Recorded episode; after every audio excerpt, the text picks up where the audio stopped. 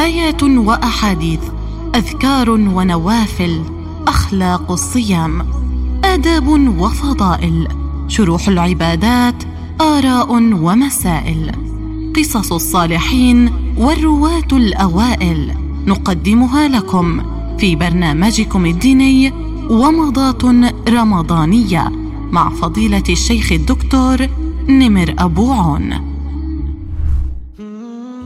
التكبير لصلاة العيدين وعن التكبير بصورة جماعية في العيدين قال الشافعي رحمة الله عليه فإذا رأوا هلال شوال أحببت أن يكبر الناس جماعة وفرادا في المسجد والأسواق والطرق والمنازل ومسافرين ومقيمين في كل حال وأين كانوا؟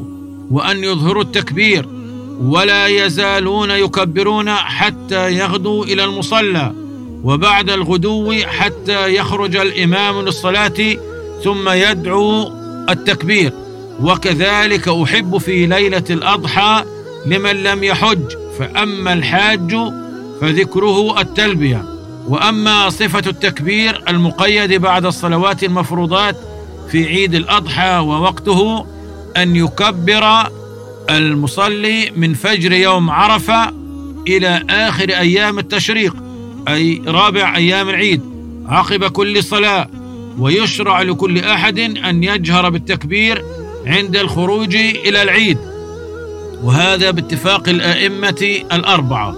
وصفة التكبير المنقول عند أكثر الصحابة هي الله أكبر الله أكبر الله أكبر لا إله إلا الله. الله أكبر الله أكبر ولله الحمد.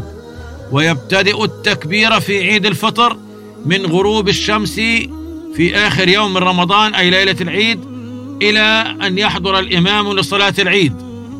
أن يبدأ من لحظة ثبوت العيد وينتهي بنهاية صلاة العيد.